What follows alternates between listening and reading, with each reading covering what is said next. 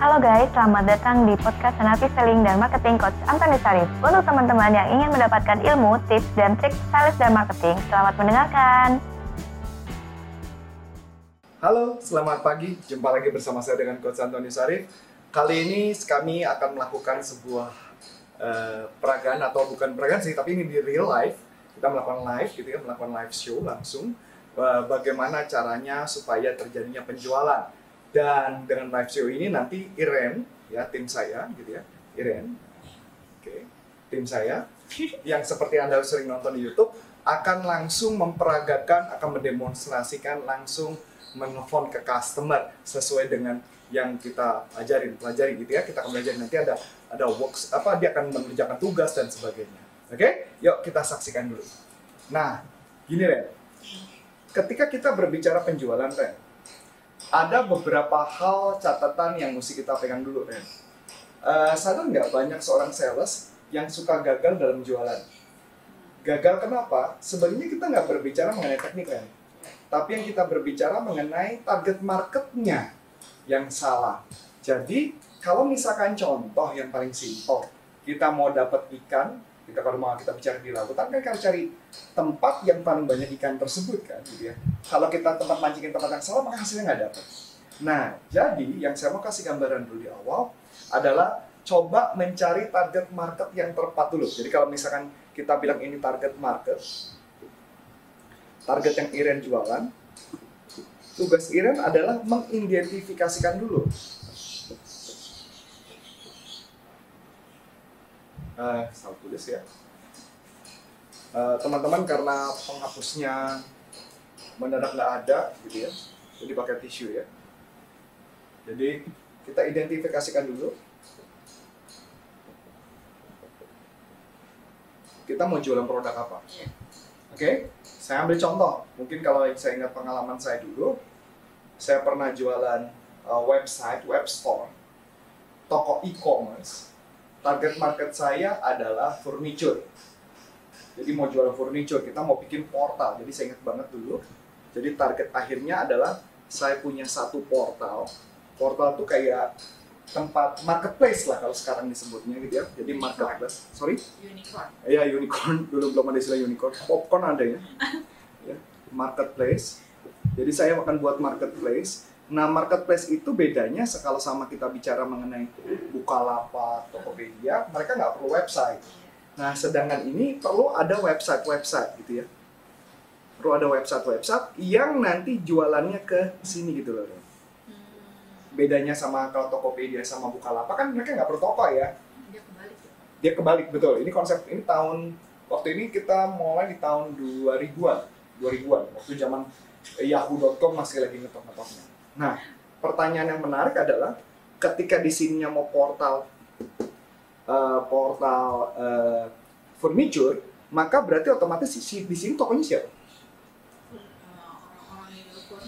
Betul. Jadi orang-orang yang jual furniture berarti target marketnya adalah jual furniture. Setuju kan? Nah, pertanyaan saya adalah dari mana saya dapat database ini kalau saya mau jualan? Dari mana? Dulu belum ada browser, udah ada. Dulu cuma ada Alta Vista.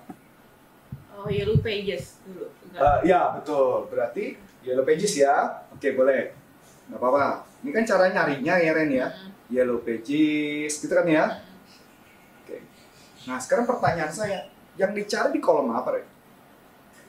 Di kolom furniture, kolom furniture, betul. F. Ya kan? Karena yellow pages kan kalau mungkin anak-anak sekarang aman zaman now bingung yellow pages itu apa ya gitu ya. Jadi cari kolom furniture. Nah itu satu. Target lain supaya saya jualan ke furniture. Dari mana saya dapat database furniture? Datang langsung. Datang langsung maksudnya visit salah satu iya. Terus tahu dari mana saya tempat itu? Jadi visit jalan gitu? Iya itu loh furniture di daerah sini nih banyak gitu. Ya kalau tahu kan? Iya. Betul nggak? Iya. nah pertanyaannya menarik kalau misalkan kita ambil contoh nah ini buat Iren buat mulai kepikiran ya. Harga furniture saya eh, harga furniture saya nggak jual furniture tapi saya jual website. Website saya harganya dulu adalah sekisaran 15 juta sampai 30 juta di tahun 2000. Sekarang juga 2000-an ya salah. Eh, tahun 2000-an waktu itu benar-benar 2000 Ya, 200. kalau sekarang 2019 berarti kalau mama ditanya yang bisa mampu membayar ini siapa? Furniture yang udah besar dong. Betul. Jadi tugasnya kita adalah mencari apa? Demografinya, betul nggak? Ren? Jadi mencari demografi, kita harus memilah furniture yang besar. Oke? Nah, sekarang pertanyaan saya adalah, kalau kita bicara mengenai furniture besar, ya, furniture besar, bagaimana saya tahu itu furniture besar? Dua tempatnya. Tempat, oke, boleh, terima, masuk akal. Satu, tempat. Harga furniture. Dua, harga furniture yang dijual. Masuk akal, masuk akal. Udah jadi PT gitu nggak sih? Bisa jadi PT, bisa enggak, nggak apa-apa, masuk akal. PT lebih masuk akal. Oke. Terus lokasi. Nah, Lokasi, betul, lokasi, apalagi? Hmm, apa ya? Punya workshop, Oh punya workshop. betul nggak ya? Nah, Workshop, Heeh. atau apalagi? Jumlah karyawan. Jumlah karyawan, bagus. Terus apa lagi? Produk yang impor, iya. Betul? Bisa karena produk impor kan berarti kan lebih mahal. lebih mahal, atau malah dia melakukan produk ekspor. Oh dia yang Melakukan ekspor, berarti kan bisnisnya gede dong. Iya. Oke, good, bagus. Nah, pertanyaan saya lagi. Nah, sekarang adalah gambarannya adalah bagaimana kalau ini kan berbicara mengenai furniture. Oke? Jadi, kesalahan kita di awal adalah ketika jualan, kita tidak tahu siapa target marketnya. Jadi akibatnya, istilahnya palu gada gitu ya. Anda jualan ke semua orang dengan asumsi orang itu mau beli gitu. Nah, itu yang membuat kenapa gagal. Hmm. Masuk akal nggak? Nah berarti kan kita juga nggak mungkin Ren. Misalkan jual website, eh, semua bisa pakai website, tapi kalau saya fokus ke semua kan saya nggak bisa closing. Betul? Jadi target market saya adalah mendapat target market yang saya inginkan dan saya ini. Pertanyaan menarik kan bayar 15-30 juta nggak murah. Iya. Betul? Bahkan perusahaan sekarang kalau UKM suruh bayar 15-30 juta juga mahal. Berarti harus mencari orang yang sanggup Membayar. membayar 15 dan 30 juta. Yang bisa didapat? Ada pertanyaan dulu soal ini? Eh, berarti kalau misalkan apa namanya kita, ki- berarti ini istilahnya mempersempit ya? Ah, nah, Bukan bagus, apa, bagus, bagus, bagus. Pertanyaan Irian sangat bagus, gitu ya. Ini yang kita buat rekaman ini bukan pertanyaan yang direkayasa, ini the real pertanyaan gitu ya. Ini yang kalau kita bicarakan ini gitu ya, ini yang disebut namanya needs market trend. Needs market atau ceruk pasar. Kenapa jualan yang jauh lebih gampang kalau kita mencari ceruk marketnya, ceruk pasarnya. Jadi lebih gampang. Kebanyakan orang kan siapa pun mau coba dijual, maka hasilnya gagal. Ada lagi? Mungkin kira mau tanya? Itu dulu. Ya. Nah, sekarang saya lanjut lagi. Kemudian saya ini saya berhasil, saya jualan ke beberapa tempat dan saya berhasil closing. Jadi setiap bulan saya harus mengisi bagaimana caranya. Intinya adalah buat kita adalah tentukan dulu target market. Sampai oke?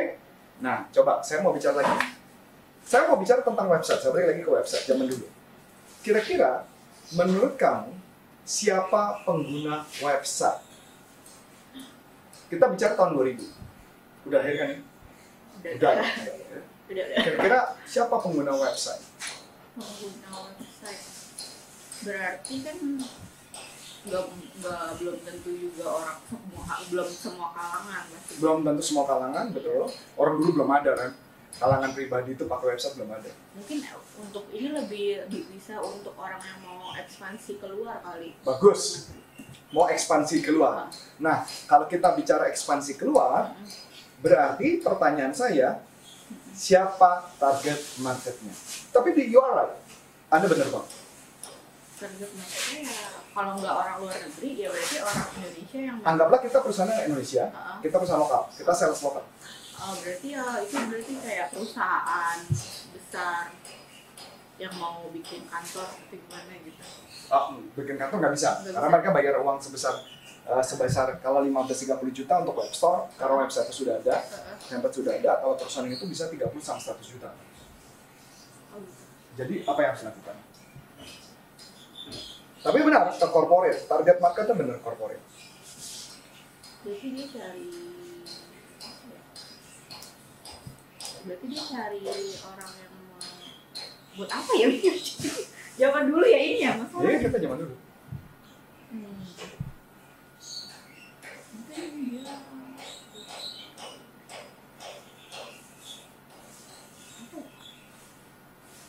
Guys bantuin guys. Nah ini contoh sales yang lagi mentok ya. Saya mau ngebuka nih. Saya mau buka. Target market saya saat itu corporate dan kebetulan saya nggak sengaja karena saya lulusan ekonomi, fakultas ekonomi, saya menemukan waktu itu sempat belajar mengenai saham, bursa saham. Ternyata waktu itu lagi heboh-hebohnya Telkom. Telkom baru saja melaunching sahamnya dia dijual ke bursa market. Dan ternyata saya juga pas belajar dulu di kampus saya, saya sempat belajar bahwa salah satu cara produk bisa boom, eh, harga saham bisa naik. Jadi ada istilah eh, harga yang ditawarkan, initial offering, jadi harga price-nya berapa ditawarkan, itu harganya bisa naik. Kenapa? Karena ada, anggaplah, saya cari tahu dong, apa penyebab harga naik saham? Satu, ada informasi mengenai, pro, eh, bukan naik ya, eh, artinya naik bisa turun. Ah. Satu, bisa karena ada produk baru yang bakal dipakai orang banyak, atau produknya menjadi obsolete atau produknya jadi problem. Contoh, pesawat Boeing Mm-mm. yang sekarang heboh, Iya. sahamnya jatuh loh. Iya. Tapi waktu ketika Boeing, eh, eh, oke. Jadi balik lagi ke pesawat Boeing. Boeing pada saat pesawat jatuh, maka harga saham turun. Turun. Tapi habis itu dia normal lagi karena dia ngeluarin dokumentasi. Jadi kesannya bahwa itulah salah satunya fungsinya PR, public relasi, supaya mengcounter informasi yang nggak jelas itu. Ternyata kejadian lagi pesawatnya jatuh lagi Iya berikutnya. jatuh mulu ya. Nah, bukan mulu dua kali Dua kan. Ya, kalau mulu kan banyak ya. Dua kali. Apa yang terjadi? Akibatnya sahamnya langsung turun. Berarti terjadi sentimen market, sentimen pasar. Sampai sini dapat? Nah, berarti pada saat itu saya mulai melihat bahwa sebenarnya produk bisa naik harganya bisa turun tergantung salah satunya karena sentimen market. Sampai masuk akal? Nah, kemudian saya kepikiran, waktu itu ada beberapa perusahaan yang saya nggak bisa kasih tahu nama perusahaannya. Perusahaan tersebut mau go public, Ren. Menarik. Menarik?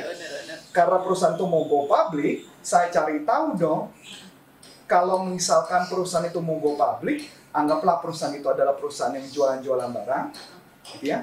Kemudian dia punya website, kira-kira sentimen market bakal naik nggak? Iya.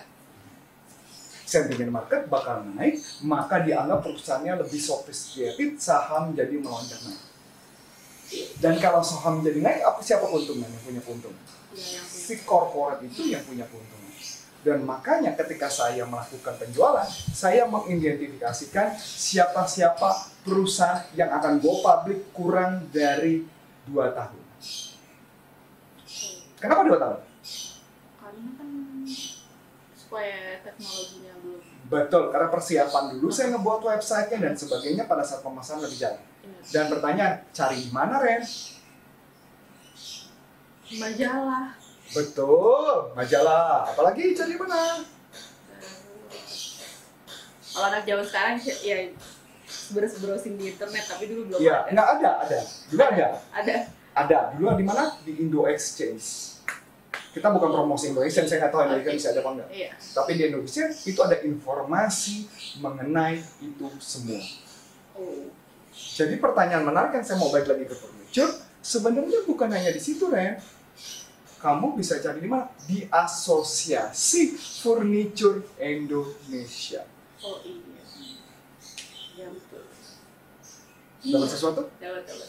dapat. Sesuatu? Ah, ah. Jadi tugas saya kalau mau jualan lebih cepat adalah cari asosiasinya, cari produknya ke mana, dia jual ke mana, database yang saya dapat, ini yang saya akan lakukan. Jadi dari dulu udah main asosiasi. Salah satunya. Iya, iya. Oke, nah pertanyaan saya yang Iren harus kerjakan sekarang. Tapi habis ini kan ini harus dikerjakan. Pertanyaannya adalah bagaimana? Kan kita jualan trainingnya. Hmm. ya. Sekarang kalau Iren menjual ke seluruh penjuru dunia bisa saja. Mm-mm. tapi makan waktu. Karena Iren juga pernah ngomong Mm-mm. semakin kita fokus Iya, problemnya makin tahu. Iya. kenapa Coach Arif bisa tahu bahwa problemnya Indo Action atau sorry, uh, uh, perusahaan yang mau di saham karena kan aku punya pengalaman itu. Jadi aku bisa ngomong aku punya pengalaman tentang furniture jadi aku bisa ngomong. Padahal saya nggak punya background furniture. Nah pertanyaan yang saya mau ngajarkan ke Iren sekarang adalah kira-kira ya perusahaan seperti apa sajakah ya yang membutuhkan jasa training? Itu yang pertama. Oke perusahaan apa yang bisa membutuhkan jasa training? Yang pertama.